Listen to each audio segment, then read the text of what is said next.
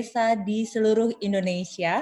Uh, datang lagi hari ini kita bersama SDG Center Institut Teknologi 10 November bersama TV Desa, bincang bareng SDG. Kali ini kita akan berbicara tentang industri kreatif dan bagaimana pengembangannya uh, industri kreatif di desa.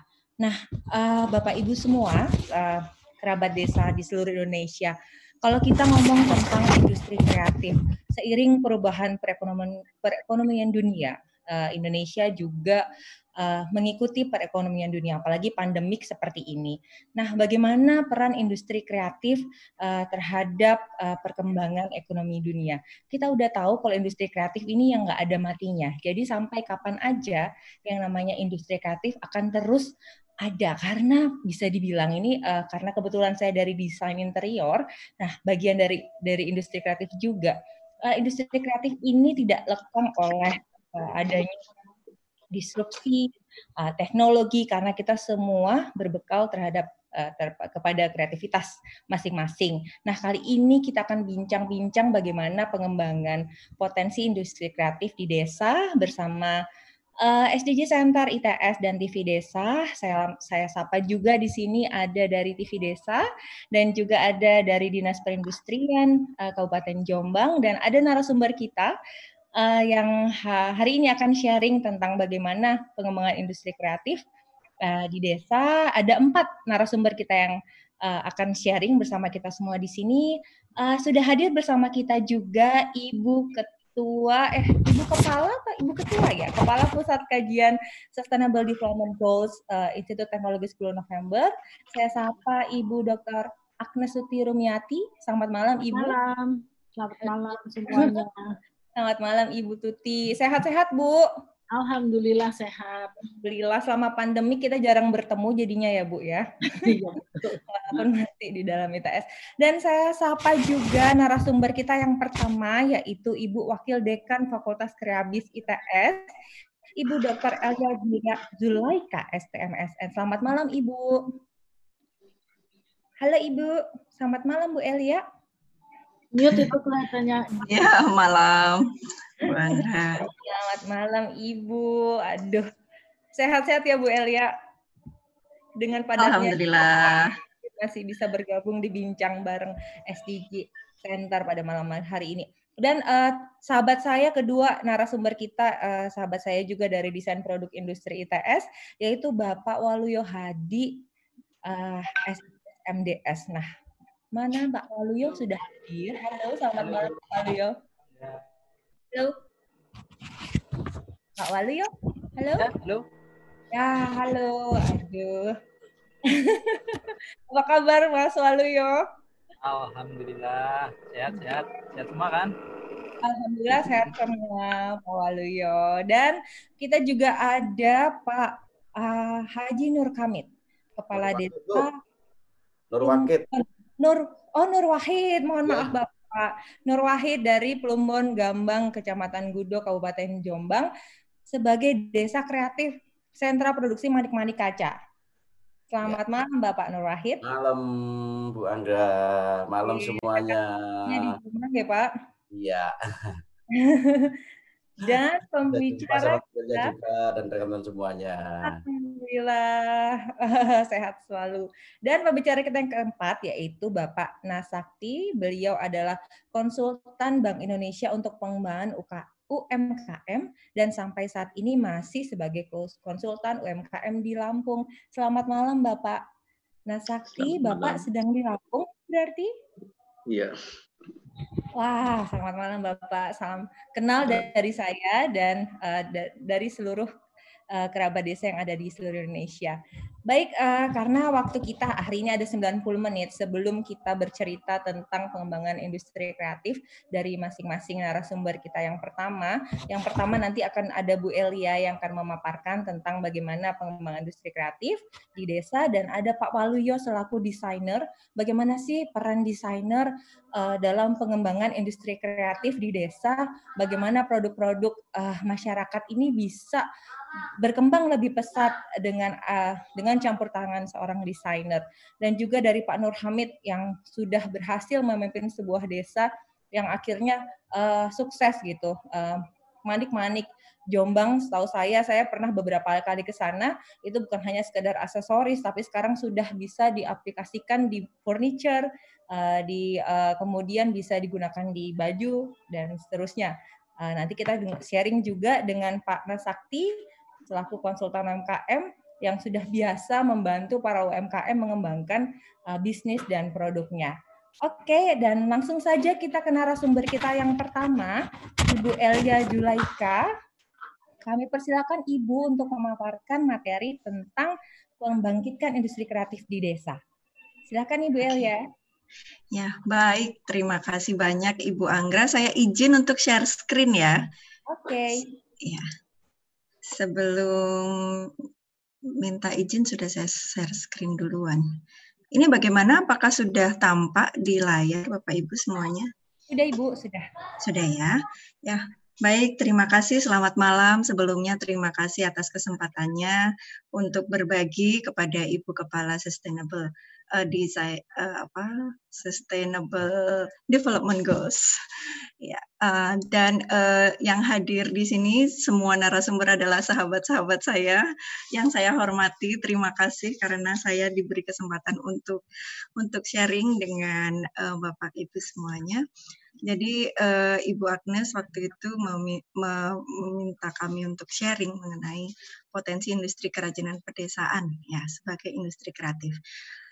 Uh, uh, ini tadi sudah disampaikan oleh Bu Anggra dan ini mungkin cuma sebentar saja.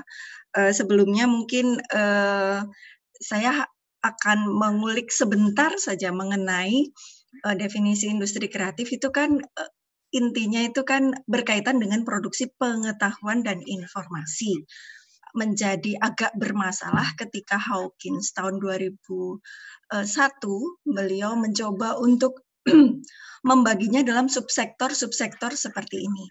Tidak ada yang salah sebenarnya, tetapi akan menjadi agak kontroversial ketika uh, arsitektur atau barang antik yang sebelumnya kita anggap bahwa nilai jualnya itu ada di produksi pengetahuan, ada ide, ya kebaruannya itu ternyata tidak ada kebaruan yang dihasilkan. Nah, misalkan seperti ini industri kerajinan kan.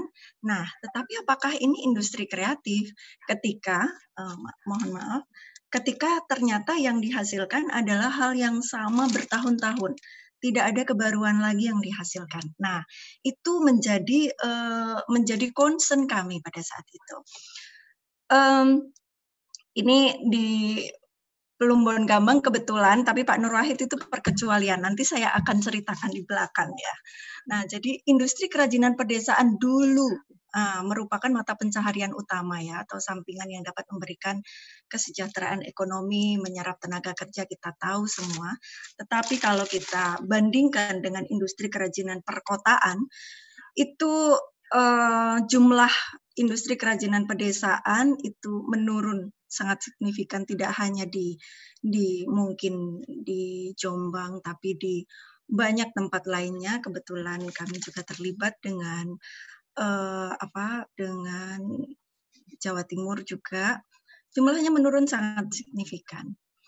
Nah, uh, sebelum tahun 2010 ketika kami diberi kesempatan untuk berkolaborasi dengan UKM-UKM kerajinan di pedesaan, biasanya kami datang dengan membawa desain, meminta mereka untuk membuat desain baru dan kami, wah ini desainnya kurang elegan, kurang ini, kurang itu. Nah, seperti itu.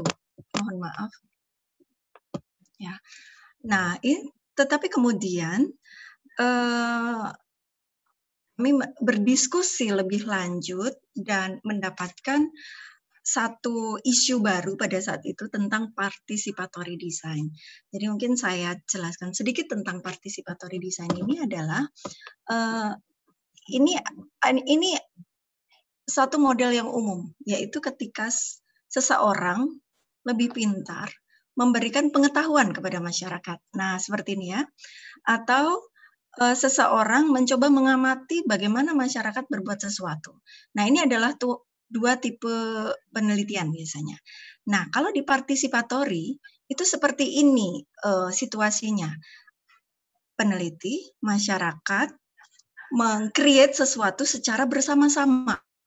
Kita desain secara bersama-sama. Nah, seperti itu. Ini apa apa implikasinya partisipatory design pada cara kami, ide kami untuk mengembangkan kerajinan kerajinan pedesaan. Jadi sebelumnya uh, ini saya ya Pak, mohon maaf waktu itu perutnya besar sekali. Jadi uh, peran desainer pada kolaborasi antara desainer dan pengrajin. Bagaimana kalau desainer itu fasilitator? Desainer itu mengembangkan kemampuan desain dari pengrajin. Nah, kalau sebelumnya desainer itu wes Bapak bikin ini, bikin ini, bikin ini. Uh, yang banyak ya. Nah, misalkan seperti itu. Yang di sebelah kanan itu. Atau di sisi lain, wes Pak terserah sampean membuat apa gitu tanpa asistensi. Nah, itu uh, mungkin desainnya jadi tidak terarah. Nah, bagaimana kalau peran desainer itu di tengah sini? Jadi uh, berdasarkan dengan potensi masing-masing. Nah, itu memungkinkan atau tidak ya? Nah, seperti itu.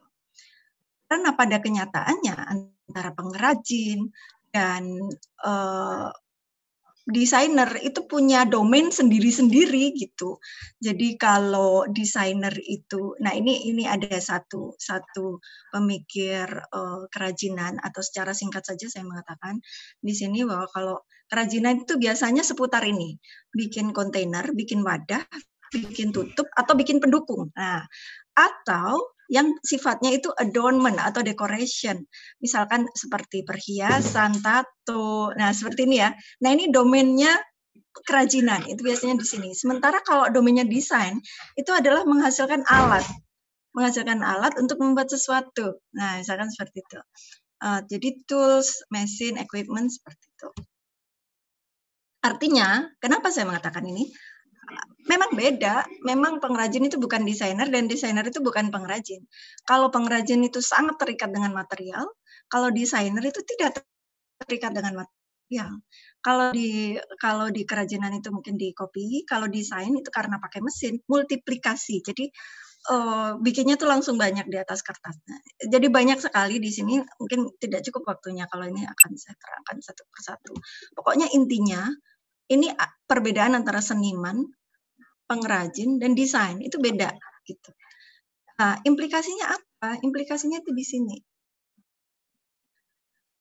Uh, ngobrol, di sini ada Pak Nur Wahid ya, ini ada almarhum Pak Bai, ada Pak Di ini di, di, di, di Jombang kebetulan tahun 2011 eh 2012 eh, ada di sini ya berdiskusi waktu itu setiap minggu selama dua bulan kemudian berusaha mengerti apa yang terjadi di pedesaan itu kami melihat ada permasalahan-permasalahan ini uh, tren aksesoris itu cepat ganti, ada krisis ekonomi global pada saat itu, datangnya manik-manik impor yang kualitasnya bagus dan murah, dan itu tidak hanya satu masalah karena kemudian ada masalah yang lain lagi.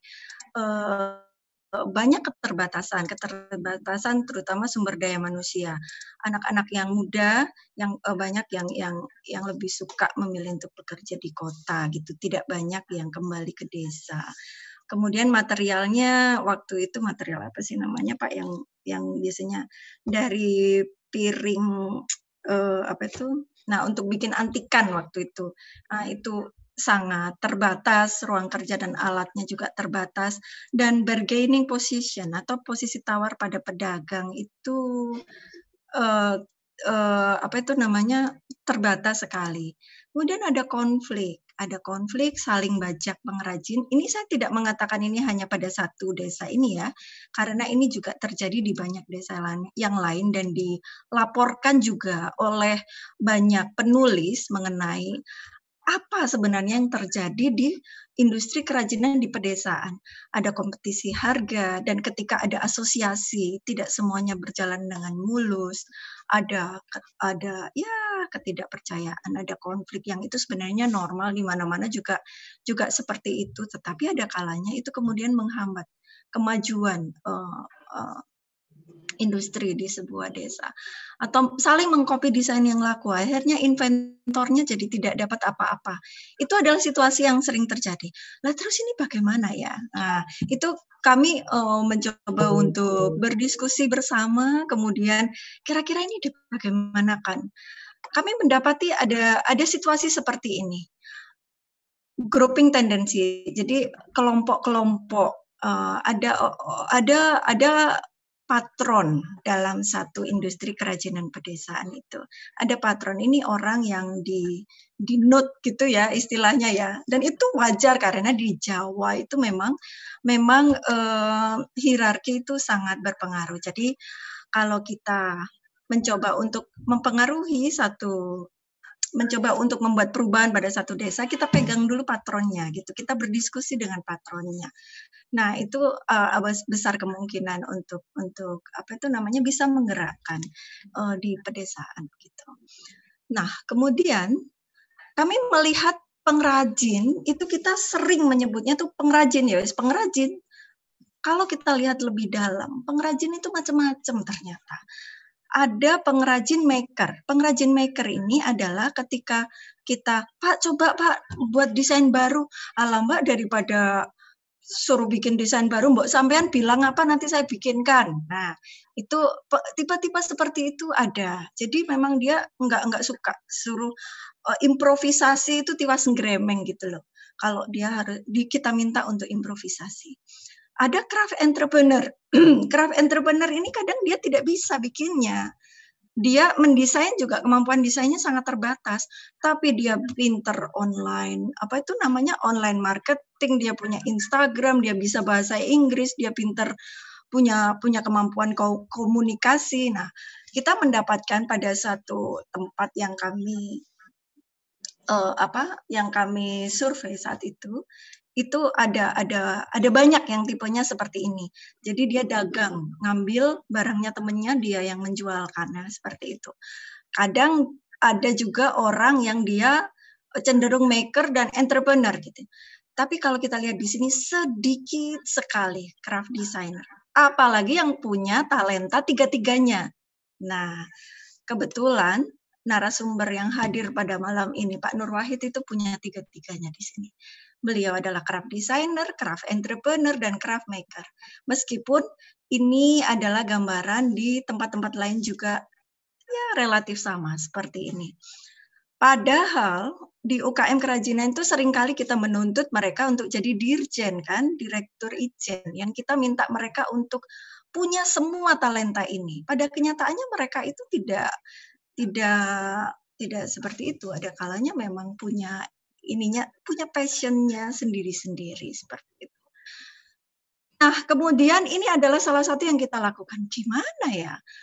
Ini di Jombang, tapi orang Jombang sendiri pada saat itu 2012 itu eh, apa itu namanya awareness terhadap terhadap manik-manik Jombang itu masih kurang. Uh, kalau kita jual manik-manik, kemudian kita mendemonstrasikannya, itu lakunya itu cepat, gitu ya. Nah, eh, biasanya orang melihat penjualan manik, bagaimana manik-manik dibuat itu adalah dengan datang ke desanya. Bagaimana kalau kita oh, menawarkan aja, ini jadi kayak demonstrasi ke ke apa itu namanya sekolah-sekolah pada saat itu uh, keliling ke beberapa sekolah dan apresiasi anak-anak itu luar biasa. Setelah mereka tahu betapa sulitnya untuk bikin satu manik-manik, di situlah mereka mulai mengapresiasi dan mereka jadi pengen beli begitu.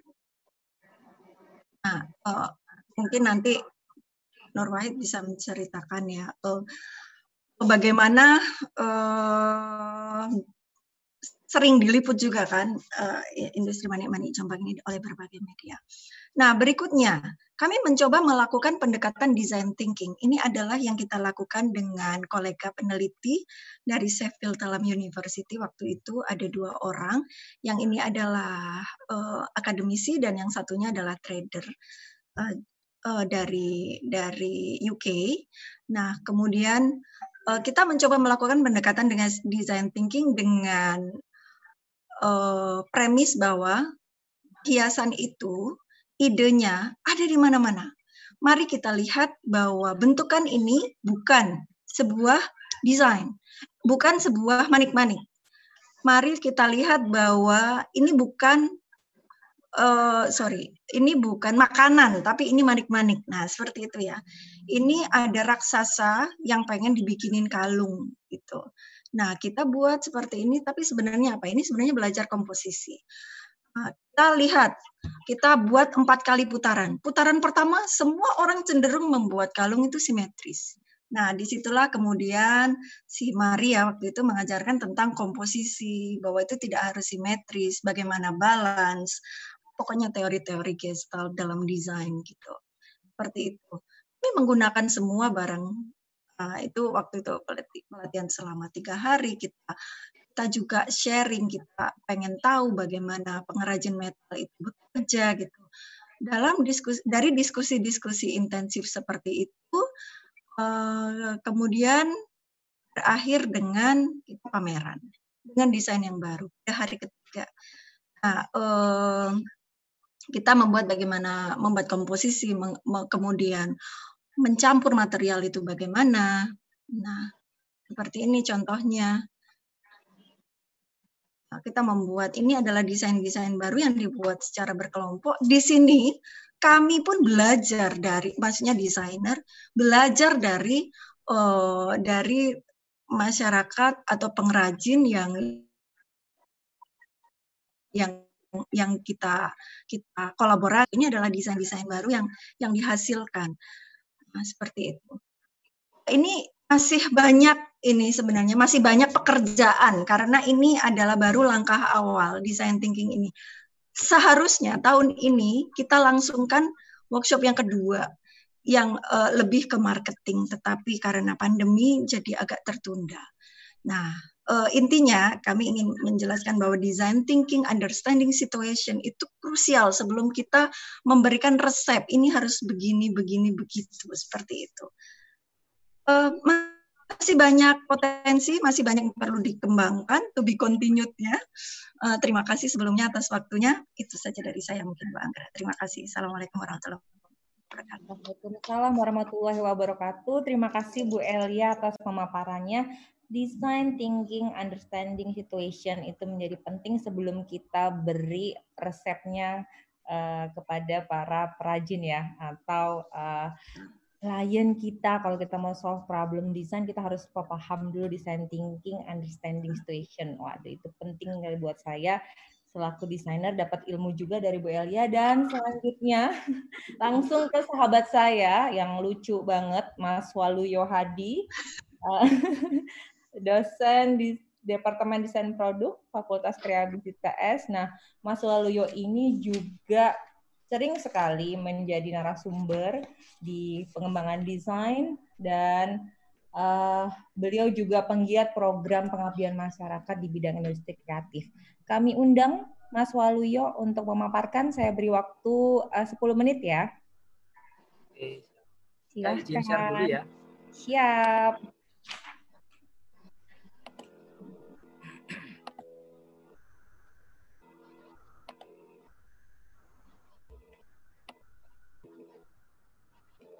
Baik, Assalamualaikum warahmatullahi wabarakatuh. Ya, terima kasih atas waktunya. Ya, uh, ada Pak Nas, ada Bu Agnes, ada Ilya dan lain-lain yang sangat saya hormati ya. Saya juga terima kasih untuk kesempatan ya. Mungkin sepertinya saya paling junior ya di sini. Aku okay. yang paling junior. Oh gitu ya. Oke oke oke. Nah, di sini mungkin uh, saya bikin judul yang mungkin uh, beda agak, agak sedikit beda ya karena uh, judulnya kan lebih ke uh, apa namanya industri kreatif. Nah saya mungkin lebih ingin fokus pada desain karena bidang saya desain jadi uh, biar nanti kita uh, dalam diskusi ini nanti uh, luas ininya apa namanya uh, wacananya. nah judul saya adalah kolaborasi desainer dan UKM desa. Nah ini adalah uh, tadi sudah dijelaskan sama uh, Bu Ilya juga tentang definisi-definisi yang sangat ini ya sangat uh, mungkin teorinya teori dasarnya gitu ya. Nah kalau saya mungkin uh, membuat pemahaman sederhana aja. Kan industri kreatif itu apa sih sebenarnya? Nah, itu kan sering sekali.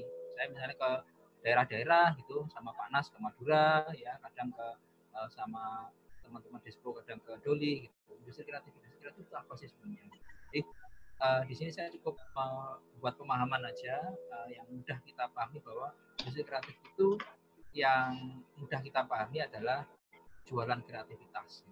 Jadi beda kan misalnya saya jualan sapi nah, itu beda itu nggak jualan kreativitas itu. Saya jualan apa lagi? Jualan ayam saya jualan daging nah, pasti beda lagi jual uh, di industri kreatif ini adalah yang penting itu adalah apa? Idenya atau kreativitasnya. Nah, ini uh, kita coba menerjemahkan, misalnya tadi Bu Elia tadi ada subsektor subsektor, bukan ya. Nah, kalau saya terjemahkan dengan lebih mudah, misalnya ketika kita bicara sama teman-teman di daerah, kreativitas di daerah itu apa aja sih? Gitu. Misalnya kita bisa lihat, oh di sini menghasilkan kain, gitu. ada yang tenun, ada yang batik, misalnya. Kemudian musik daerah, gitu uh, nggak hanya produk yang fisik aja, tapi pertunjukan-pertunjukan musik ya, gamelan-gamelan itu juga sebenarnya bagian dari ilustratif. Bioskop, kemudian pertunjukan kesenian ya, kadang di daerah itu ada misalnya jaranan, ada itu itu kan sebenarnya bagian dari bagaimana masyarakat hidup ya, ya bagaimana dia hidup secara ekonomi. Kemudian ada kuliner, nah ini yang sangat besar sekali ini kontribusinya. Karena apa namanya di kuliner itu apa namanya pertama banyak teman-teman itu bilang katanya marginnya paling gede itu itu resikonya juga yang paling besar. Terus kemudian kerajinan tangan atau handicraft itu juga bagian dari uh, apa industri kreatif bazar objek wisata dan sebagainya. Ini ini pemahaman sederhana biar kita ketika nanti ada teman-teman dari desa atau dari daerah kami industri kreatif itu apa sih? Pak gitu. Nah ini kira-kira gambarannya seperti ini aja. Nah, di uh, project-project yang akan saya jelaskan nanti tentang kolaborasi desainer dan UKM itu saya mungkin lebih fokus ke kerajinan tangan. Nah, uh, beberapa bidang yang dekat dengan yang saya kerjakan itu di bidang kerajinan tangan. Nah, ini saya mulai uh, desainer uh, featuring UKM ya, atau kolaborasi dengan UKM ini saya mulai dengan batik Tanjung Bumi.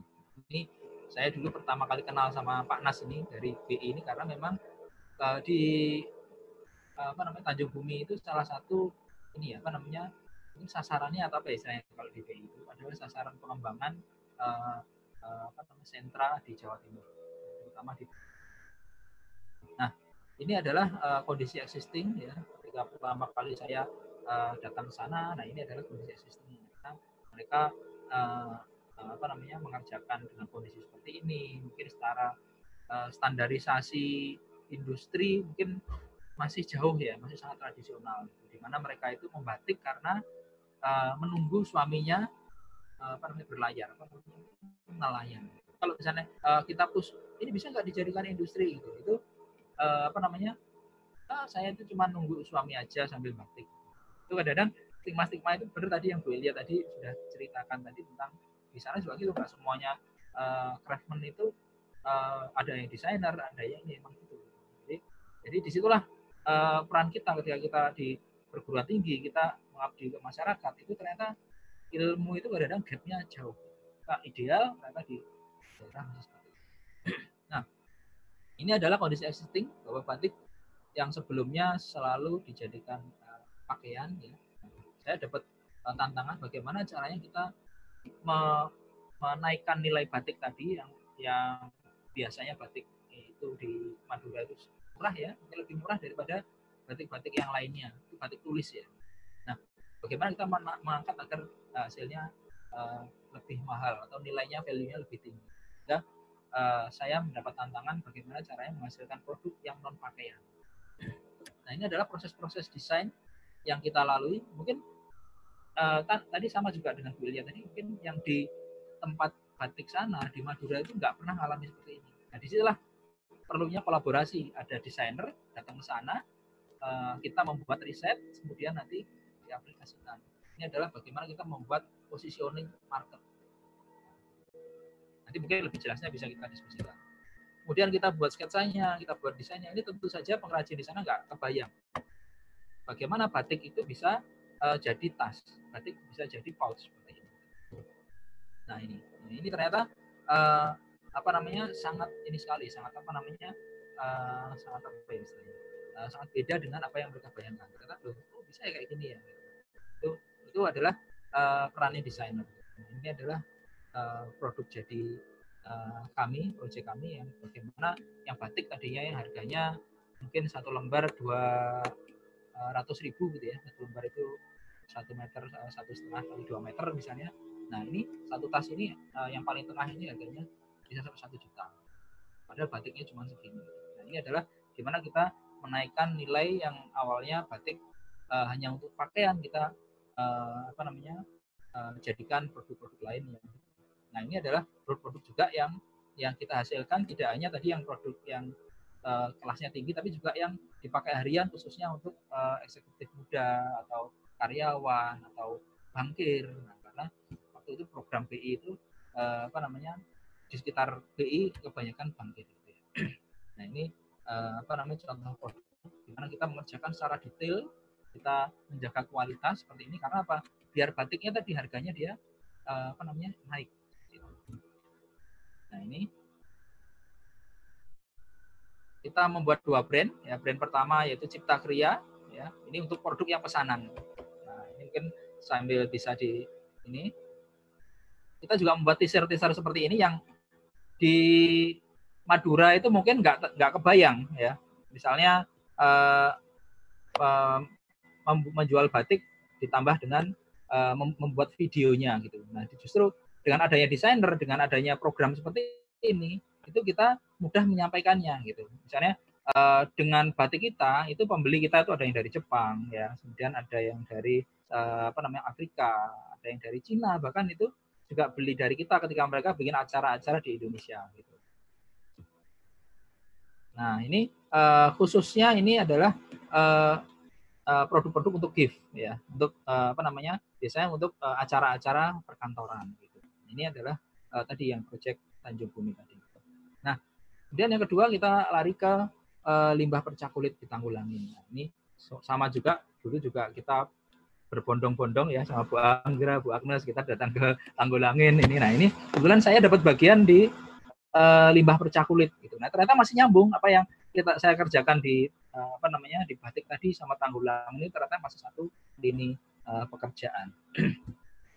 nah, ini ini adalah uh, apa yang kita kerjakan, kita memberdayakan uh, mahasiswa sebanyak mungkin ya. Jadi kalau kita di uh, di kampus kita melihat mahasiswa itu enggak hanya sebagai murid ya, tapi kita juga melihat itu adalah sumber sumber daya. Nah, ini jadi kalau kita sekali bikin tugas, buatlah uh, modul percakulit. Itu sekali saya ngomong langsung jadi 60 alternatif. Nah, ini adalah proses-proses yang yang kita kerjakan secara manual. Nah, ini adalah uh, uh, apa namanya pelatihannya. Jadi setelah kita modelkan di kampus, kemudian kita latihkan. Nah ini pelatihan-pelatihan yang kita uh, laksanakan di Tanggulangi. Nah, ini pola-polanya. Kalau yang kiri ini kita menggunakan material yang belum asli, belum kulit. Yang kanan ini sudah jadi kulit. Nah ini adalah uh, hasilnya, hasil produknya. Gitu. Cuman uh, ini terakhir kemarin karena sebelum pandemi, akhir tahun 2019. Jadi kalau misalnya uh, kali uh, saat ini kita nggak pandemi ini mereka bikin komunitas di sana dan sangat antusias mereka karena limbah kulit ini berlimpah. Nah, yang ketiga ini uh, yang on, ongoing ya. Jadi sekarang uh, saya dan tim ya juga dengan uh, tim SDG juga uh, kita sudah mengerjakan uh, UKM tenun uh, di Lombok. Nah ini kondisi existing ya di sana. Di sana uh, sama juga seperti yang batik tadi. Uh, kain tenun ini memang bagus, warnanya bagus gitu. Produk-produknya juga uh, jadi baju, kemudian jadi uh, dompet misalnya. Nah, cuman uh, saya melihat bahwa ini sepertinya uh, masih ke arah ke pariwisata gitu. Nah, di sinilah uh, saya ingin mem memperkenalkan uh, ini lagi apa namanya? segmen lagi yaitu ke uh, segmen perkantoran. Seperti tadi yang seperti di Agili, seperti di apa namanya? produk yang sebelumnya gitu. Ini adalah karena ini sudah masuk ke pandemi maka yang kita kerjakan semua serba online ya. Ini bahkan uh, kita ngezoom online seperti hari ini ya. Kemudian di sana uh, mereka karena belum apa namanya mereka uh, di sana mungkin uh, zona hijau ya. Jadi di sana masih offline. Nah ini adalah hasilnya. Ini nanti kita akan karena saya bilang tadi ongoing, maka ini belum selesai, ini ini sedang proses, ini semuanya dari tenun uh, eh, NTB. Kemudian ini adalah alat-alat yang nanti akan kita uh, beli di sini, kemudian nanti akan kita bawa ke sana. Akan kita kirim ke sana. Dan yang unik lagi, proses pelatihan nanti cuma lewat WA. Nah, Awalnya kita membuat iterasi, kita uji coba kira-kira uh, cara pelatihannya cocok seperti apa gitu. Ternyata mereka mintanya mending bikin video aja di WA gitu. Nah, ini nanti akan menarik. Ini tantangan juga bagi saya. Nah, ini yang menurut saya uh, bagus juga ya ketika saat ini pandemi itu sebenarnya peluang atau bukan. Nah, ini kalau kita lihat sekarang ya misalnya di kala pandemi ini justru Brompton ini maaf ini saya sambil ngecas ternyata di saat pandemi seperti ini justru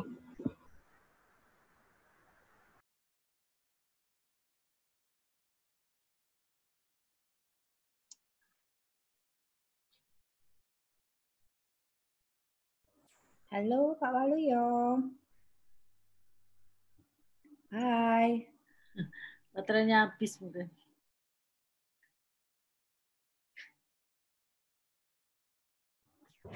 Ah, nampaknya baterainya Pak Waluyo habis ya. Uh, padahal belum selesai bercerita tentang peran serta desainer uh, dan bagaimana potensi industri kreatif desa diceritain Pak Waluyo belum selesai. Nanti mungkin kita bisa balik ke Pak Waluyo lagi. Dan kali ini kita langsung menuju materi dari praktisi kemudian Bapak Kepala Desa yang telah berhasil juga mengembangkan uh, bisnis manik-manik uh, di Gudo Jombang tadi kata Bu Elia kalau Pak Na, Pak Nur Wakit ini lengkap sebagai entrepreneur iya, sebagai craft maker iya, craft designer iya, bener nggak sih Pak Nur Wahid seperti itu? Selamat malam Pak Nur Wahid. Iya, selamat malam Bu Andra. malam. Selamat iya, malam semuanya. Hmm. Kita langsung ke materinya Pak Nur Wahid. Saya nggak sabar mendengar Bapak cerita bagaimana uh, bisnis manik-manik di Jombang dan bagaimana Bapak selaku yang tadi tiga iya entrepreneur juga, uh, desainer dan juga craft makernya juga. Bagaimana Bapak mengembangkan industri kreatif di Jombang? Silakan Bapak, Pak Nur Wahid 10 menit waktunya ya. Ya, Alhamdulillah terima kasih atas waktu yang diberikannya. Selamat malam kepada Bapak Ibu semuanya. Uh, kita mengembangkan industri kreatif uh, khususnya manik-manik di desa kami di Desa Perumbun Gambang Uh, tadi semuanya sudah banyak dijelaskan dengan Bu Elia secara akademisi. Kita secara praktisinya aja, jadi memang benar uh, di desa kami itu ada suatu industri manik-manik yang mana di situ adalah mengolah limbah, alhamdulillah tapi membawa berkah. Jadi dari limbah kaca yang kita olah menjadi manik-manik. Jadi seperti ini peleburannya Uh, jadi manik-manik dari kaca kita lebur uh, menjadi batangan atau glass rod. Setelah itu kita kita cetak sesuai dengan uh, desain atau dengan motif. Uh, setiap butir manik-manik itu di situ ada paparan semuanya itu banyak sebenarnya manik-manik itu mempunyai nama satu-satu kalau kita jelaskan.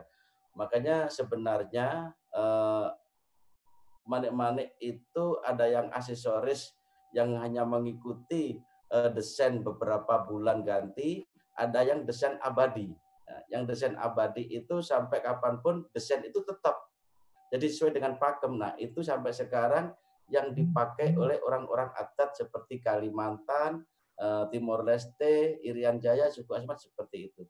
Tetapi tentang yang aksesoris itu bisa kita kolaborasi dengan beberapa hal termasuk alhamdulillah uh, Bu Elia juga seperti dengan kami sudah sering erat berkomunikasi dan menggabungkan antara desain-desain yang uh, didesain Bu Elia dengan manik-manik kami. Termasuk kita juga berterima kasih sekali pada Bu Elia yang pada tahun kemarin itu um, membawa uh, seorang desainer dari Prancis, Laura namanya, kita kolaborasikan dan membuat semangat bagi eh, desa kami atau teman-teman kami tentang kreatif untuk mendesain manik-manik yang langsung jadi. Jadi di desa kami itu eh, sebenarnya tadi secara akademisi sudah dijelaskan sama Bu Ilya ada uh, art working, ada ada craft working, ada uh, craft designer dan craft entrepreneur memang benar. Jadi karena kalau di desa kami itu dari hulu sampai hilir, jadi di situ ada uh, craft uh, working, jadi pengrajin. Sebenarnya pengrajin aja. Jadi yang kedua di situ ada uh, desainer, tapi memang kebanyakan itu ogah-ogahan untuk mengikuti desain atau kreatif, eh, makanya kebanyakan monoton banyak yang sebagai pengrajin aja. Jadi cukup setengah jadi dijual. Padahal manik-manik itu bisa dikolaborasi seperti dipakai tas. Alhamdulillah dengan pengrajin tas tadi Pak Waloyo kita bisa mixkan dengan dengan tas itu juga bisa, dengan sandal juga bisa, Terus kalau sekarang kita kembangkan menjadi uh, dengan keiring yang kebanyakan peminatnya adalah orang-orang bule.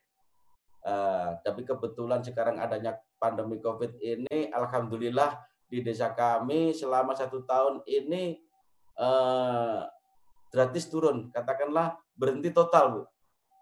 Karena apa? Karena market terbesarnya adalah di luar kota dan utamanya di Bali. Nah, di Bali kebanyakan eh, customer-customer itu kebanyakan dari orang-orang mancanegara. Jadi alhamdulillah selama pandemi ini jadi mulai bulan 2 Januari 2019 kemarin itu total berhenti.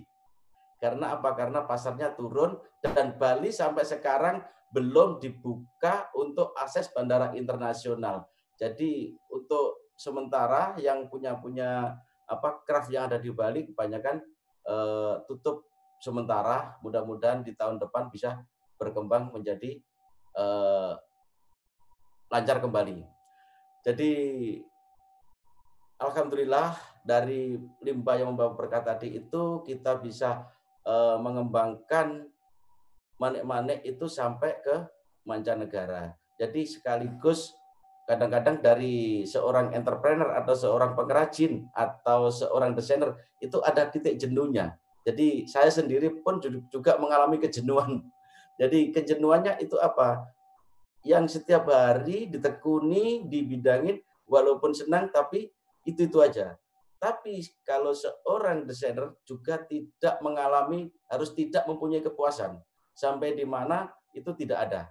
Jadi terus kepingin mencoba, mencoba, mencoba dan alhamdulillah yang dulu mulai manik-manik itu hanya perkembangannya itu cuman membuat uh, liontin dan cincin, tapi sekarang sudah uh, bisa menjadikan uh, beberapa uh, kreatif atau inovatif yang termasuk bisa menjadi kalung, bisa menjadi gelang, bisa menjadi bros, ya Mohon maaf di sini kami tadi belum sempat membawakan PowerPoint, jadi karena mendadak.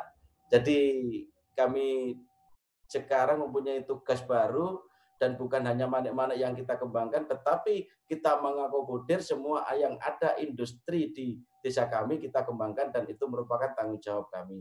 Dan kita minta doanya semuanya kepada Bapak Ibu, semoga kita tetap bisa membawa desa kami lebih ke arah yang uh, kreatif dan lebih lebih maju. Jadi manik-manik yang dari kaca itu tadi bukan sembarang kaca yang bisa kita kita olah dan warnanya itu abadi sampai kapan pun tidak bisa hilang atau luntur. Dan sampai ada manik yang sakral itu biasanya dipakai-pakai upacara adat dan untuk mas kawin. Seperti adanya manik yang di Sumba, adanya manik Muntisala atau Chevron itu manik motif abadi sepanjang zaman mereka tetap menggunakan itu karena dipakai untuk upacara adat dan pernikahan. Jadi seperti di uh, Wemena, di suku Wemena itu menggunakan manik hanya manik beberapa manik aja, itu namanya ada manik haye, manik harmoni dan uh, manik merah itu hanya untuk kepentingan-kepentingan adat dan semua warga pasti memakai itu. Dan yang untuk eh, adat itu yang paling banyak adalah manek di Kalimantan. Karena apa? Di sana itu terdari kurang lebih 32 suku itu kurang lebih 20 suku itu semuanya memakai manik yang sesuai dengan manik nenek moyangnya. Nah, ini termasuk adalah manik-manik yang uh, motif abadi. Di situ ada namanya lukut sekala, ada namanya labang, ada namanya kemblak, dan itu sampai kapan pun desainnya itu-itu aja. Tetapi dari desain abadi itu bisa kita kolaborasikan itu dengan dipakai gelang, dipakai tas, dipakai apa, tapi kita bisa menunjukkan nama dan istilahnya kayak eh, khasiatnya atau kegunaannya. Jadi mana ini bisa dipakai seperti itu, seperti ini, seperti itu. Jadi jadi di situlah eh, keistimewaan manik-manik yang ada di Jombang. Cuman di sini sendiri pun tidak ada yang eh, mempelajari sampai sedetail itu. Karena apa? Karena kemungkinan hanya eh, sebagai pengrajin eh, yang mengejar keuntungan sesuai dengan hasil diproduksi, dilempar jual, untung sudah. Tidak sampai ke detailnya, historisnya manik-manik, kenapa orang ini memakai ini, itu sampai disenangi, dikagumi, itu sebabnya apa. Nah, Alhamdulillah saya berkat arahan dan bimbingan dari beberapa teman, termasuk Bu Elia, baik di desain maupun di story-nya, itu kita uh, mempelajarinya ternyata kalau kita mengarah ke histori manik-manik itu sebenarnya mulai dari abad ke-7. Itu pertama kali dari Venesia sampai merambat di Majapahit pada abad ke-14. Jadi di Nusantara, manik-manik Nusantara ini sudah terkenal di dunia dan menjadi catatan dunia bahwa di Indonesia itu ada pengusaha manik-manik atau peninggalan manik-manik di abad ke-14 yaitu namanya manik-manik Majapahit. Nah, di situ yang kita produksi di desa kami ini, makanya alhamdulillah mudah-mudahan sampai kapan pun tidak bisa berhenti karena itu ada motif abadi. Itu namanya manik-manik Majapahit, mulai ada namanya satu-satu yang Majapahit, ada mata dewa, ada manik burung, ada manik Cornelian, dan banyak sekali uh, jenis manik-manik itu manik dan ini menjadi catatan dunia yang dikarang bukunya oleh uh, James Allen. Jadi historis bit dunia sudah masuk uh, termasuknya yang ada di Jombang dan manik-manik Majapahit itu. Jadi manik-manik yang diproduksi di desa kami itu kalau dari layaknya manik abadi itu adalah pelestari budaya manik-manik Nusantara. Nah, itu kita lebih sukanya menyebut ke arah situ karena apa? Karena kita di sini mampu mereplika seluruh manik-manik yang ada di Nusantara bahkan sampai di dunia. Jadi di dunia setiap dunia itu juga memproduksi manik-manik kayak di Ghana, kayak di Afrika, kayak di Belanda itu semuanya masih memproduksi dan mereka punya uh, ciri khas tersendiri dan historikal sendiri. Jadi kalau Bu Elia tadi lebih ke akademisnya, itu alhamdulillah tentang mengarahkan ke teman-teman kami untuk mempunyai jiwa pengrajin maupun entrepreneurnya itu lebih kuat dan ke jiwa desainernya juga itu lebih lebih ke arah maju. Jadi kami berterima kasih sekali kepada Bu Elia yang selama ini juga memberikan support kepada teman-teman kami bisa mengarahkan ke lebih eh, ke desain-desain yang terbaru. Nah, kita mencoba beberapa kali seperti saya mengkolaborasikan untuk uh, lampion itu juga pernah tapi uh, untuk furniture kita juga pernah dan tapi sekarang kita ke arah mengarah ke kombinasi dengan metal. Jadi setiap manik yang punya historical kita pakai metal dan kita pakai pendant dan di situ ternyata alhamdulillah uh, mulai di minati dengan pasar-pasar lokal. Karena apa? Selama pandemi ini, pasar lokal kalau manek-manek itu sangat berkurang sekali. Pasar terbesarnya adalah di Bali, Kalimantan, dan Jakarta, Toraja. Itu aja. Di Jombang sendiri, di Jawa Timur sendiri pun itu berkurang hanya orang-orang tertentu yang mempunyai jiwa seni atau mempunyai jiwa-jiwa yang kreatif untuk uh, membelinya manek-manek, kebanyakan yang punya jiwa kreatif itu hanya bahan yang setengah jadi. Jadi istilahnya setengah jadi itu sudah berbentuk manek-manek tapi belum didesain sesuai dengan uh, penggunaannya. Maksudnya belum didesain pakai kalung, belum didesain pakai gelang, belum didesain pakai tas. Nah, Alhamdulillah kalau desainer-desainer di Jawa Timur, baik di mana pun, itu mengambil material dari desa kami, termasuk sampai ke mancanegara, termasuk di Bali, itu didesain ulang lagi seperti seperti itu. Jadi eh, kita lebih cenderung ke arah pengolahannya. Jadi dari limbah kaca itu tadi yang alhamdulillah membawa berkah dan sekarang ini di desa kami dulunya uh, cuman satu dua orang sekarang sudah menjadi 122 pengrajin yang katanya tadi itu seperti uh, walaupun dirjen. Jadi direktur ijen tadi kata Bu Ilyana alhamdulillah seperti itu. Jadi mungkin itu yang bisa kita paparkan dan semoga kita semuanya tadi uh, bisa kolaborasi dengan beberapa pengrajin termasuk yang dari batik, dari tas kita bisa kolaborasikan dengan manik-manik kita karena manik-manik kita yang untuk aksesoris itu sangat fleksibel sekali dan bisa dipakai untuk apa aja.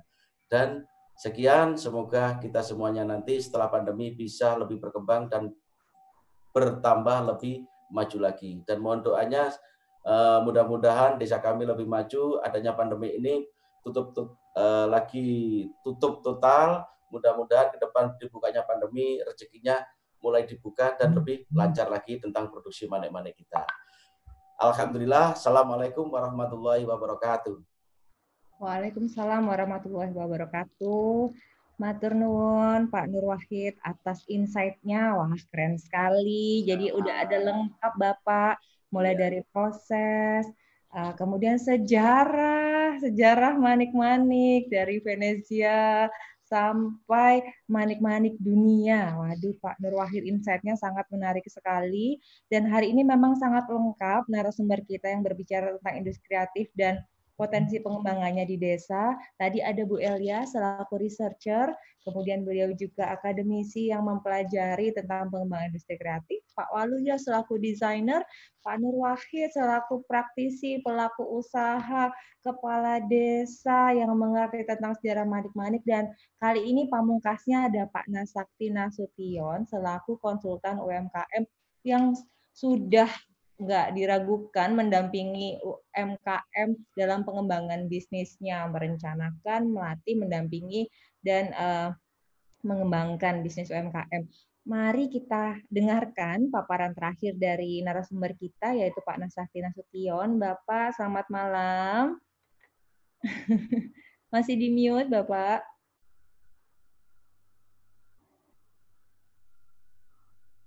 Nah, Pak Nasakti akan uh, sharing dengan kerabat desa semua dan Bapak Ibu semua yang bergabung di Zoom selama 10 menit mengenai uh, pengalaman beliau bagaimana mengembangkan UMKM dari sisi konsultan. Nah, selamat malam Pak Nasakti. Selamat malam.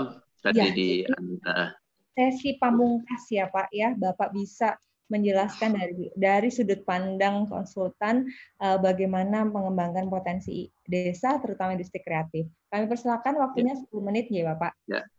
Terima, ya. terima, terima kasih atas waktunya. Uh, apa namanya? Uh, saya tidak artinya uh, berangkat dari desainnya, tapi berangkat lebih kepada pemberdayaan ekonominya seperti itu.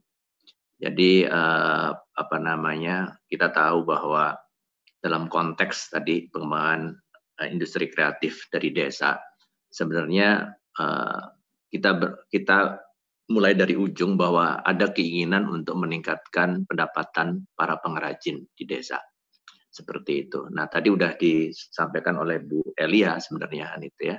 Jadi uh, pengrajin itu sebenarnya apakah kemudian dia desainer atau termasuk industri kreatif seperti itu. Tapi pada kenyataannya memang mereka craft maker sebagian besar dan seperti itu. Jadi belum sampai kepada craft designer bahkan craft entrepreneur. Nah dalam konteks untuk kemudian kita mengembangkan katakanlah uh, meningkatkan perekonomian masyarakat tersebut. Nah kalau kita kembali kepada ke, ke desa maka salah satu cara untuk meningkatkannya adalah dengan bagaimana kemudian mereka punya produk yang berdaya saing. Bagaimana kemudian mereka mampu menciptakan produk yang punya nilai tambah. Nah, selama ini pada umumnya uh, mereka modal mereka itu adalah comparative advantage. Jadi kekuatan sumber daya alam, artinya setempat, lokal, terus kemudian ditambah dengan keterampilan ya, yang mereka miliki. Kalau mereka katalah pembuat batu bata, terakota, ya basisnya adalah sumber daya alamnya dan keterampilan dia membuat bata. Jadi dia belum berpikir bahwa dengan katakanlah dia dengan membuat katakanlah berbahan tanah itu ya untuk dibuat kemudian bata dia bisa punya peluang untuk kemudian membuat produk-produk yang lain yang punya nilai tambah. Nah, jadi uh, terkait dengan ini untuk peningkatan nilai tambah maka harus didorong apa yang disebut dengan competitive advantage ya. Jadi mereka harus kemudian uh, ya menjadi lebih kreatif ya dan kemudian juga bukan sekedar kreatif tapi juga mampu mewujudkannya. Jadi berinovasi seperti itu. Nah, kombinasi antara tadi keterampilan, kreatif ya dan inovasi itu kan sebenarnya itulah yang kita sebut sebenarnya entrepreneur seperti itu. Ya, bagaimana mereka bisa menjalankan ketiganya untuk mencapai tujuan uh, usahanya untuk memperoleh laba yang terus menerus ya dalam jangka panjang yang pada akhirnya bisa mensejahterakan bisnis mereka, ya keluarga mereka dan lingkungan mereka. Jadi uh, seperti itu. Nah sekarang persoalannya kan gitu ya, nah, bagaimana mereka bisa melakukan itu seperti itu. Kalau mereka sebagian besar masih tadi uh, crafter maker ya craft maker seperti itu. Sementara itu ya uh, apa namanya kemampuan desain tadi uh, tidak semua ya banyaklah yang tidak memilikinya.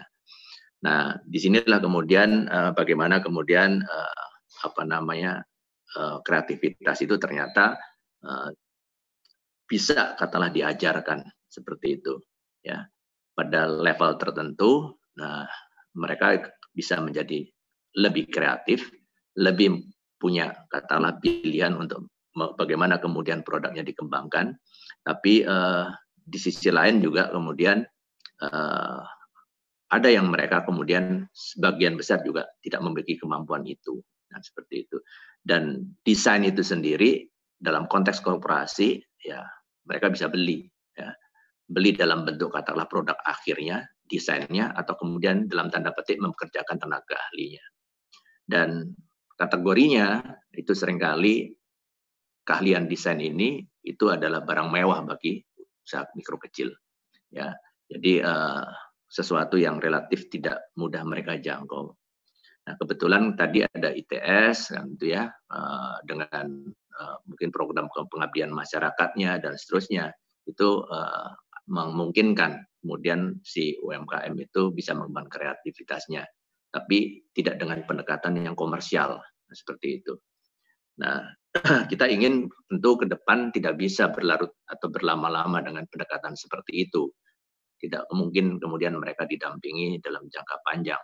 Nah, sekarang bagaimana kemudian pada akhirnya ya yang tadinya craft maker, mereka punya kemampuan untuk kemudian mendesain langsung dan tidak langsung.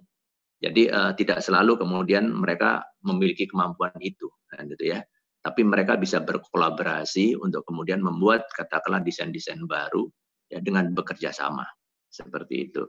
Dan itulah yang kemarin beberapa yang lalu kita ya Pak, beberapa waktu kita tawarkan ya kolaborasi katakanlah uh, kebetulan di tempat saya yang lama kan itu ya antara katakanlah UMKM ya dari berbagai katakanlah daerah kan itu ya mereka berkolaborasi dengan mahasiswa waktu itu dengan dispro seperti itu gunanya itu apa untuk untuk ada semacam kerjasama, kolaborasi, ya sinergi antara kemudian kemampuan entrepreneurship dengan kemudian kemampuan di dalam rangka pengembangan desain seperti itu.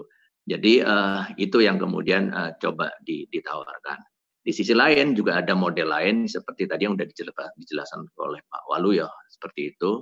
Uh, kebetulan uh, mengembangkan katakanlah bagaimana kemudian batik tulis katakanlah di Tanjung Bumi itu memiliki nilai tambah ya bagi para pengrajin yang selama ini mereka hanya membuat kain semata seperti itu. Nah, kemudian didoronglah kemudian agar mereka punya alternatif ya, bisa menghasilkan produk yang punya nilai tambah. Dan model itu tentu kerjasama dengan para uh, desainer, di mana kemudian uh, lahirlah apa yang disebut tadi uh, agili tadi seperti itu. Nah, pendekatan-pendekatan ini banyak berbagai uh, model yang bisa dikembangkan ya. Jadi tadi melalui pendekatan dengan kerjasama dengan mahasiswa, kerjasama dengan katakanlah perguruan tinggi. Nah, yang saya menarik bagi saya itu yang dengan mahasiswa sebenarnya kan itu. Nah, bagi mahasiswa itu bisa jadi kemarin sebenarnya kita ingin dorong kan gitu ya. Uh, setelah mereka berkolaborasi katakanlah gitu, itu ada pilihan-pilihan bagi mereka. Nah, seperti itu.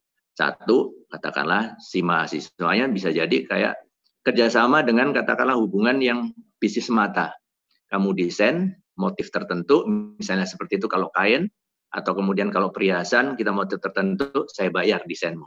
Seperti itu. Tapi karena ini katakanlah prosesnya adalah proses pengembangan, terus kemudian belum komersial dan seterusnya karena masih uh, kuliah dan seterusnya, maka itu akan lebih terjangkau dibandingkan kemudian dia harus membayar katakanlah tenaga desain profesional. Terus yang kedua kan gitu tahap berikutnya bisa jadi Kemudian bahwa bisnis itu pada akhirnya tidak hanya kemudian hubungan B2B semata, tapi mereka bisa berkolaborasi dengan model yang lain, misalnya seperti itu. Modelnya misalnya kalau setiap desain katakanlah eh, yang mereka katakanlah hasilkan kemudian di, dibuat produknya, maka setiap hasil penjualannya maka ada porsi atau hak daripada si desainer dan seterusnya. Itu adalah model yang kemudian yang kedua. Model yang ketiga bisa jadi kemudian, eh ternyata mereka katakanlah dia membantu usaha patungan bersama dengan keahliannya masing-masing. Yang satu punya keterampilan, yang satu sudah teruji entrepreneurship-nya, tan banting ada situasi. Yang satu adalah para mahasiswa yang katakanlah uh, dia punya kemampuan keahlian desain kan gitu ya, tapi dia belum pengalaman punya pengalaman bisnis dan cukup tangguh di dalam menjalankan bisnis atau entrepreneurship. Nah, pola-pola model inilah yang kemudian uh, diharapkan nanti kemudian bisa memberikan ruang bagi katakanlah industri kreatif di desa ya untuk kemudian dia menghasilkan karya-karya katakanlah yang yang baru ya yang mengikuti uh, selera dalam tanda petik mengikuti pasar dan seterusnya. Nah, ini yang yang yang penting. Terus yang berikutnya lagi di industri kreatif sebenarnya tadi sudah disampaikan oleh Bu Elia juga seperti itu bahwa ini yang jadi penting bahwa nggak bisa kita yang kecil-kecil itu bicara secara individual seperti itu. Jadi pendekatannya tadi adalah benarnya pendekatan komunal seperti itu. Karena kita udah bicara tentang bagaimana mengembangkan industri kreatif ini bukan sebagai uh, katakanlah kegiatan usaha individu, tapi kita mau bicara tentang industri ini. Nah, kalau industri itu harus ada produktivitas, ada efisiensi, ya, dan seterusnya, seterusnya. Jadi uh, di sanalah kemudian hanya bisa dicapai kalau dia komunal. Dan dalam komes kami kebetulan uh, saya dia ada di Bank Indonesia kebetulan, tapi ini pada hari ini saya bicara tentang pribadi, pendekatannya adalah pendekatan korporatisasi istilahnya di kalau di di lembaga kami seperti itu. Jadi yang individu-individu itu cara kerjanya, cara pikirnya, ya cara berbisnisnya diarahkan untuk bagaimana mereka bekerja secara korporasi seperti itu. Nah, nah salah satu cara untuk yang yang katakanlah subsisten, ultramikro atau mikro itu harus berkolaborasi. Karena apa? Karena kalau mereka tidak berkolaborasi, inputnya itu pasti akan lebih mahal daripada kalau kemudian mereka bersama-sama. Misalnya, contoh sederhananya, kalau mau beli barang, bahan baku misalnya, itu akan lebih murah kalau secara bersama dibandingkan harus bicara sendiri-sendiri, seperti itu. Terus kemudian ada juga kemudian kepemilikan alat bersama. Ya, kalau dia memiliki alat sendiri, utilitasnya cuma 10%. Ya, seperti itu. Tapi itu harus barang itu ada, tapi mahal seperti itu. Maka dia akan jadi tidak efisien. Maka kalau kemudian dia berbicara dalam konteks tadi korporatisasi, ya, dalam kelompok, kemudian dalam konteks katalah nanti kooperasi, ya, ada kemudian katalah eh, supply bersama, penggunaan mesin bersama, bahkan kemudian dalam konteks sekarang pun di era pemasaran digital itu sendiri individual itu kalau yang kecil-kecil itu akan kalah bersaing. Karena ternyata pasar digital itu ya e-commerce itu tidak murah ya. Yang mereka yang punya kemampuan membayar untuk promosi beriklan mereka lah yang punya tempat di depan. Jadi ini harus kemudian diefisienkan semoga supaya kemudian daya penetrasinya juga semakin kuat. Jadi eh, jadi intinya adalah kita mendorong katakanlah bagaimana kemudian si usaha kecil atau UMKM ini di desa untuk kemudian punya daya saing seperti itu. Nah, punya daya saing dia harus tadi uh, punya competitive advantage. Nah, competitive advantage itu di antaranya adalah kreativitas. Jadi tidak tidak bisa lagi mengandalkan pada kekuatan katalah bahan baku lokal yang katakanlah harga murah, tenaga kerja murah, tidak seperti itu lagi. Maka kemudian kita harus dorong mereka untuk kemudian produknya lebih bervariasi, ya, kemudian bisa dihargai lebih mahal, dan kemudian di situlah kemudian pentingnya peran desain di dalam rangka uh, pengembangan produk mereka. Nah, pola-pola model pengembangan desain uh, produk itu tadi bisa macam-macam, mulai dari dengan perguruan tinggi, lewat CSR, lewat kemudian kerjasama dengan mahasiswa dan seterusnya. Dan dan itu terjadi gitu ya. Saya pernah melihat juga kasongan itu yang di Jogja bisa seperti ini itu karena juga mahasiswa-mahasiswa isi itu ternyata juga kerja praktek di kasongan dan itu juga menginspirasi lahirnya katakanlah kreativitas-kreativitas baru. Meskipun katakanlah sebagian besar itu mereka adalah tadi apa namanya uh, craft maker seperti itu. Tapi karena karena karena mahasiswanya datang bergelombang dan setiap kerja praktek dia selalu melahirkan katakanlah kreasi-kreasi baru, maka dengan sendirinya lah katakanlah uh, katakanlah di kasongan itu juga tumbuh katakanlah apa namanya uh, desain-desain baru yang kemudian uh, sesuai. Apalagi mahasiswa ini adalah yang mereka sekarang zaman sekarang milenial ini kan zaman yang yang apa namanya yang mereka adalah termasuk yang gampang untuk kemudian menggunakan gadget ya melakukan riset melakukan apa namanya melakukan networking ya menggunakan teknologi digital dan seterusnya. Jadi uh, itu aja apa namanya uh, apa yang saya sampaikan Iya. Nanti mungkin lebih banyak ya, tanya jawab. Ya, terima kasih Pak Nas atas materinya tentang competitive ya. advantage, uh, advantage dan uh, tentang bagaimana ya pengembangan ekonomi masyarakat uh, masyarakat desa, industri kreatif, lebih ke bagaimana pengembangan ekonomi masyarakatnya. Nah, kali ini kita masuk ke dalam uh, sesi diskusi karena saya yakin uh, materi kita sangat menarik banget dan di sini juga sudah ada Ibu Kepala Pusat uh, Kepala Pusat Kajian Sustainable Development Goal ITS Ibu Agnes Suti Rumiati. Gak ada salahnya kita mendengar dulu uh, pendapat dari Ibu dan Ibu jika ingin ada pertanyaan kepada para narasumber kita juga boleh Ibu sebelum kita diskusi. Silakan Ibu Tuti. Terima kasih Bu Anggra. Assalamualaikum warahmatullahi wabarakatuh. Bapak Ibu terima kasih sudah bergabung dengan TV Desa. Ini luar biasa ya dari mulai mulai teori sampai uh, praktek ya sampai uh, Pak Nas tadi menyampaikan apa itu namanya bukan hanya praktek ya, memberdayakan itu seperti apa semuanya dibahas ya. Jadi ini yang kita inginkan karena di dalam uh, pusat kajian SDG itu memang salah satu tujuannya adalah mengembangkan ekonomi uh, berbasis masyarakat supaya masyarakatnya sejahtera, kemudian tidak ada lagi kemiskinan yang yang seperti itu yang kita tuju. Nah, Bapak Ibu uh, saya ini ingin bertanya boleh ya Bu Anggra ya? Boleh bertanya langsung Ibu Pak ya. boleh. Karena materinya ya. menarik sekali loh Bu. Kita nggak cukup iya. menit ini. Nggak cukup itu harusnya kuliah khusus itu Bu. Sendiri-sendiri harusnya. Iya betul. Ini materinya. Ah, Bu Elia ya luar biasa. Saya kalau Pak kalau Pak Waluya soalnya sering dengar ya ya sudah ya, merasa luar biasa dari kemarin-kemarin karena sering ya, dengar. Anur Wahid ah. juga, aduh keren hmm, banget ibu. Makanya, Bu. jadi jadi gini Pak, Pak uh, saya tanya ke Pak Nur Wahid aja dulu ya Bu. Jadi gini, Bapak itu hebat sekali loh. Bisa tadinya itu cuma tidak sampai lima pengrajin menjadi berapa? 120. 122 perajin dalam Ya, 120 itu kan luar biasa ya. ya itu bagaimana ya caranya Pak ya? Membuat satu desa akhirnya sepakat sama Bapak sampai akhirnya jadi pengrajin semua.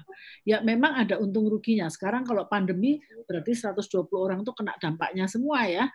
Tetapi eh, menurut saya kita sebetulnya punya cara yang lain yaitu misalnya tidak harus ke Bali kan Pak ininya Misalnya kita bangkitkan saja minat masyarakat untuk pakai kalung, untuk pakai aksesoris dari Bapak, tidak harus orang mancanegara misalnya gitu ya. Tapi masyarakat lokal. Tapi itu kan butuh promosi ya Pak ya? Iya, butuh promosi yang luar biasa supaya orang mau gitu. Dan saya kok merasa desanya Bapak itu dengan 122 pengrajin itu layak untuk jadi dewa, desa wisata manik-manik. Ya, desa wisata manik-manik berarti tidak cukup dengan manik-maniknya saja. Semua apa itu namanya eh, desa itu fasilitas supaya orang itu mau datang itu kan berarti ada berbagai fasilitas yang Bapak bisa apa itu namanya siapkan. Misalnya ada eh, restonya atau kafenya atau apanya yang sesuai dengan keinginan pengunjung, jangan keinginannya masyarakat. Kalau masyarakat yang Bapak apa itu namanya uh, ajak terus mereka bisanya itu saya bisanya itu cuman jualan tempe goreng. Lah yang pengunjung nggak mau makan tempe goreng. Susah gitu jualnya ya kan? Berarti harus dicocokkan dengan uh, kebutuhan dari pengunjungnya tadi itu. Kira-kira mungkin nggak itu pak? Jadi pertama pertanyaan saya adalah bagaimana sih Bapak membuat 122 itu? Kan luar biasa itu Pak. Yang kedua adalah kalau kita switch sekarang tidak harus ke Bali Pak. Kita coba bikin di desa Bapak supaya dikunjungi banyak orang dan supaya bisa didistribusikan eh, itu ke katakan Jawa dulu Pak. Jawa itu juga banyak loh. Nah, kemudian mungkin Pak Nas bisa membantu Pak Nas. Misalnya Pak Nas kan sudah sering eh, menjadi konsultannya apa itu seperti BI yang dulu pernah Bapak lakukan ya. Itu kan butuh bantuan ya Pak Pak Nur Wahid ini. Ya, Bagaimana betul. membantunya ya. gitu. Itu Bu Anggra uh, pertanyaan. Silakan Pak Nur Wahid, bagaimana ya, Terima kasih Bu uh, Bu Anggra.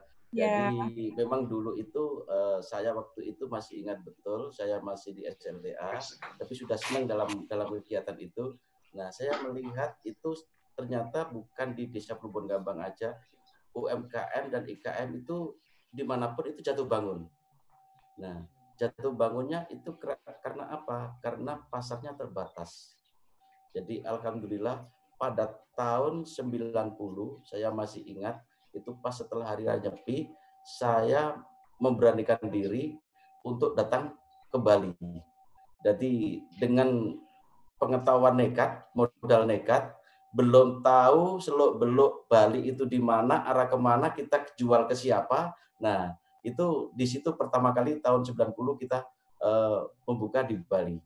Nah, alhamdulillah setelah itu saya ke situ sekali itu sudah uh, menemukan pasar dan tidak sengaja ketemu orang Jakarta yang domisili di Bali dengan usaha uh, menjual antik. Jadi manik-manik, tapi manik-manik makanya ada historisnya. Jadi manik-manik Majapahit itu yang terkenal waktu dulu itu adalah yang dijual mereka manik-manik pelangi sama-sama manik iris dan kebetulan kita membawa replikanya dan alhamdulillah waktu itu ketemu beliaunya dibeli sebanyak lima kalung pada tahun 90 itu.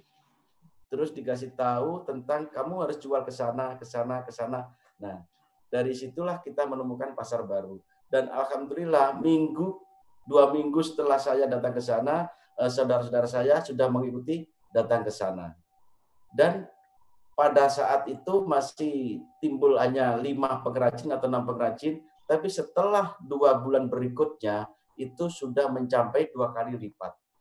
Dan alhamdulillah pada muncaknya eh, pengrajin muncul di Plumbon Gambang itu pada saat krisis moneter. Hmm. Jadi di saat krisis moneter memang dari beberapa itu pasti ada yang dirugikan dan ada yang diuntungkan. Tapi alhamdulillah pada saat itu di desa kami sangat diuntungkan. Jadi di situ terlalu banyak eh, pesanan. Nah, berarti kalau semakin banyak pasar berarti harus tumbuh pengrajin-pengrajin baru. Nah, di situlah banyak tumbuh-tumbuh pengrajin baru yang dulunya cuma 10, 20 sampai 30 sampai akhirnya eh, se seperti eh, sampai 122 eh, itu. Jadi pada saat krisis moneter kalau nggak salah 1998 itu besar-besarnya pesanan yang dari beberapa uh, daerah atau lokal baik mancanegara itu banyak sekali. Dari alhamdulillah waktu itu walaupun krisis moneter tapi membawa berkah. Dan semuanya itu pasti ada timbal baliknya. timbal baliknya pada tahun 2020 ini walaupun terjadi krisis tapi kita tutup total. jadi jadi alhamdulillah tapi itu semua kita syukuri dah.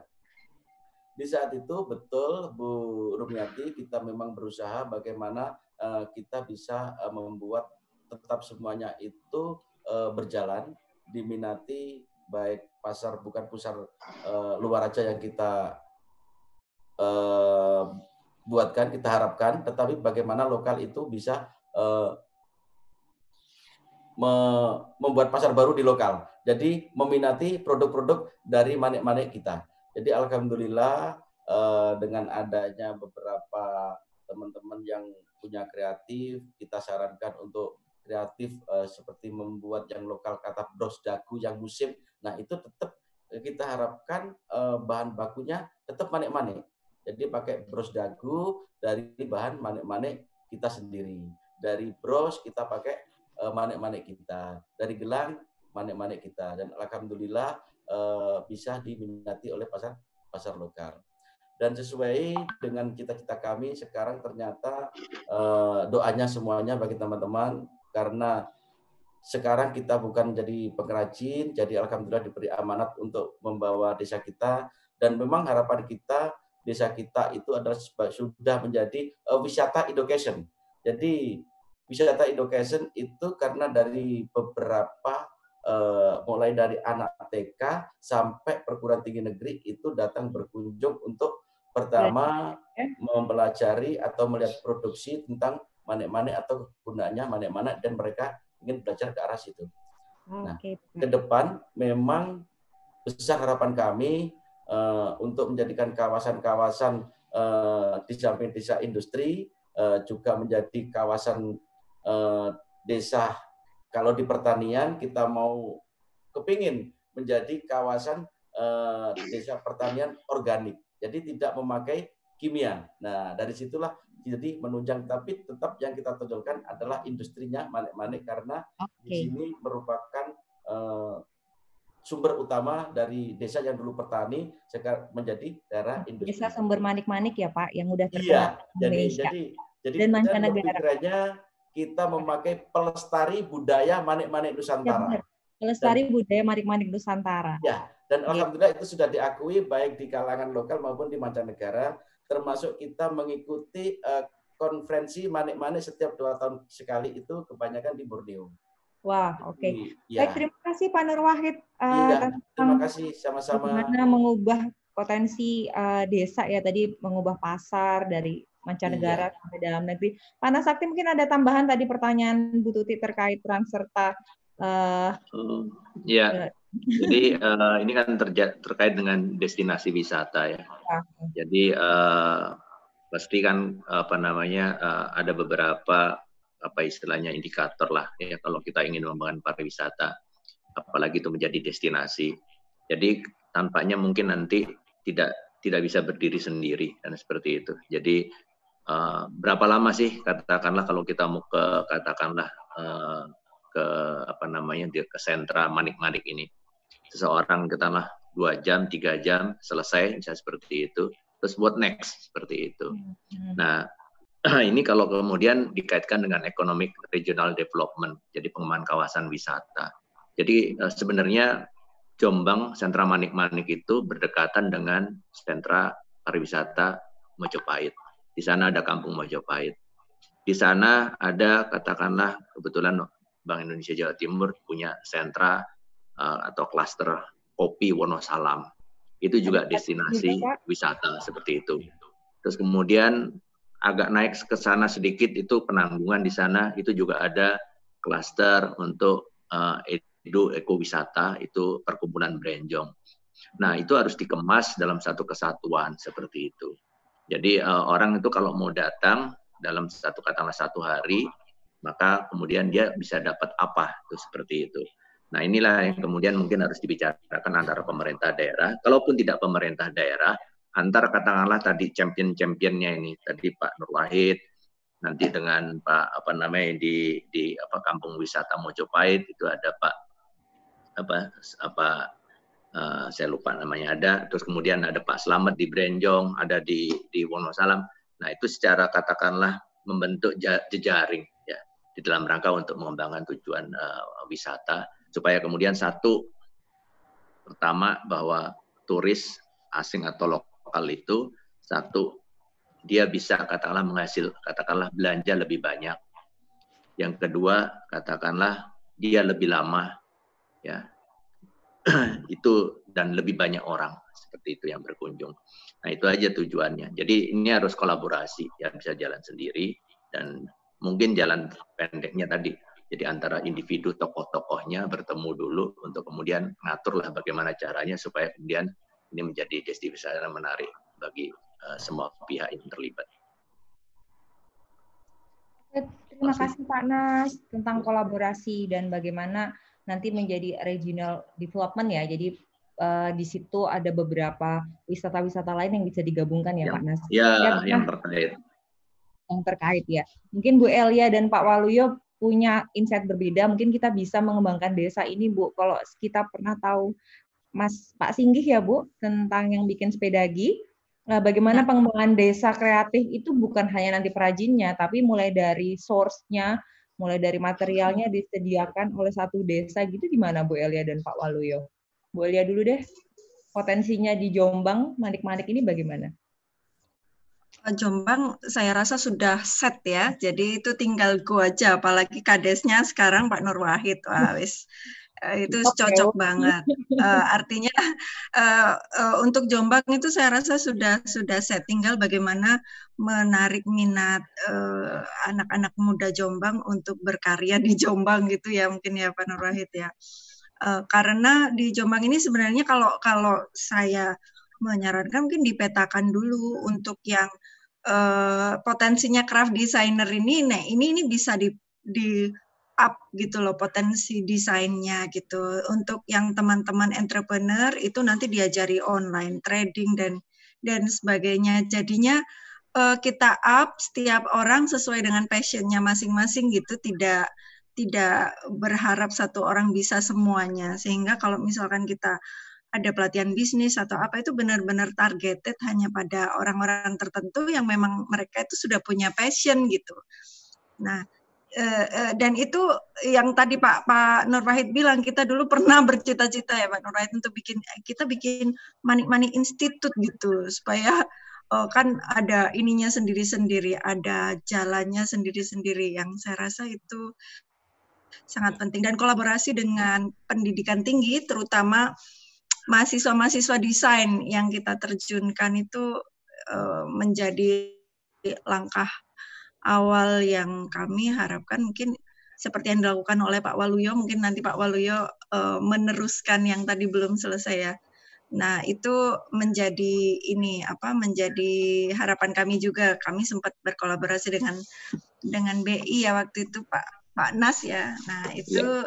saya rasa banyak yang bisa dikembangkan lagi. Seperti itu mungkin. Terima kasih Bu Elia dan terakhir Pak Waluyo. Pak Waluyo eh, atau sama semuanya deh Pak Nas, kadang-kadang kita sebagai desainer atau uh, akademisi kita sering melakukan pendampingan terhadap UMKM.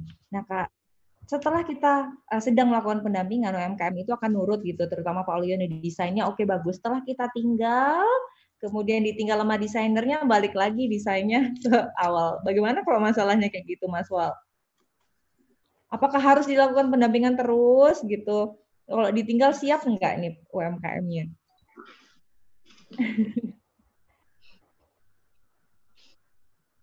Masih Pak di mute, masih ya? mute. Masih di mute. Apakah Ibu atau harus dari host ya? Enggak. Oke, bisa ya. Bisa, Pak Pak Waluya masih mute tinggal dua menit lagi. Mas Waluyo harus menjawab dalam satu menit. Masih di mute nggak bisa? Oh, loh kenapa? Sebentar. Kenapa kok nggak bisa? Oke. Okay. harusnya. Okay. Uh, dari Pak Nas saja closing statement. Uh, satu kalimat Pak Nas untuk pengembangan potensi uh, industri nggak bisa? ya. desa. Sekarang Pak Nas. Ya. Jadi yang pertama bahwa orientasinya tetap harus pasar seperti itu. Jadi kalaupun seperti sekarang ini pandemi terus kemudian manik-maniknya sendiri yang secara tradisional dijual atau dipasarkan sekarang tidak tidak katakanlah mem, tidak memperoleh pasar sebagaimana uh, biasanya tentu harus pivot Jadi kita harus kemudian cepat untuk kemudian uh, beradaptasi dengan uh, lingkungan yang baru, uh, situasi yang baru. Oke, Seperti Pak. itu. Bu ya. Elia, satu closing statement tentang pengembangan potensi industri kreatif desa. Atau Mas Waluyo ini udah di-unmute. Oke, Mas Waluyo satu closing oh, iya. statement. Iya. Kita sudah Oke, ini ada tadi yang belum dibahas menurut saya tentang ini, tentang apa namanya digital marketing. Oke, digital kalau marketing. Uh, misalnya mungkin ada topik lain, kayaknya kita perdalam di oh, optimasi. Oh, boleh kita ada topik saya. lain. Ya. ya itu mungkin mungkin itu karena tadi uh, sebenarnya apa namanya ada yang miss. Ya, menurut saya itu ya. penting juga nanti ke depannya. Ya. Ya mungkin itu dulu dari saya Bu Anggra. Terima kasih Ibu Elia sekaligus menutup satu closing statement. Kolaborasi. Kolaborasi. Nur Wahid satu kota, satu data Pak Nur Wahid. Ah, Oke, okay, saya closing aja. Jadi industri kreatif itu bukan hanya industri yang berasal dari pemanfaatan kreativitas, keterampilan serta bakat individu, tetapi juga menciptakan kesejahteraan serta lapangan pekerjaan melalui penciptaan dan pemanfaatan daya kreasi, daya cipta individu tersebut dengan kolaborasi. Nah, tadi keywordnya adalah kolaborasi dari seluruh pihak, baik itu perguruan tinggi negeri, pemerintah maupun swasta, dan perbankan. Terima kasih kepada Bapak Ibu yang telah bergabung di acara bincang bersama SDG uh, Institut Teknologi 10 November. Kemudian terima kasih kepada Pemkap Jombang, Dinas Perindustrian Jombang yang telah hadir. Terima kasih kepada TV Desa, Bapak Ibu semua, Salam bahagia kerabat desa di seluruh Indonesia. Jumpa lagi nanti next dengan uh, tentu saja bincang-bincang dengan SDGs uh, Kepala um, Pusat Kajian Sustainable Development Goals Institut Teknologi 10 November dan TV Desa. Selamat malam. Assalamualaikum warahmatullahi wabarakatuh. Semoga bermanfaat Bapak Ibu semua. Terima kasih. Terima kasih.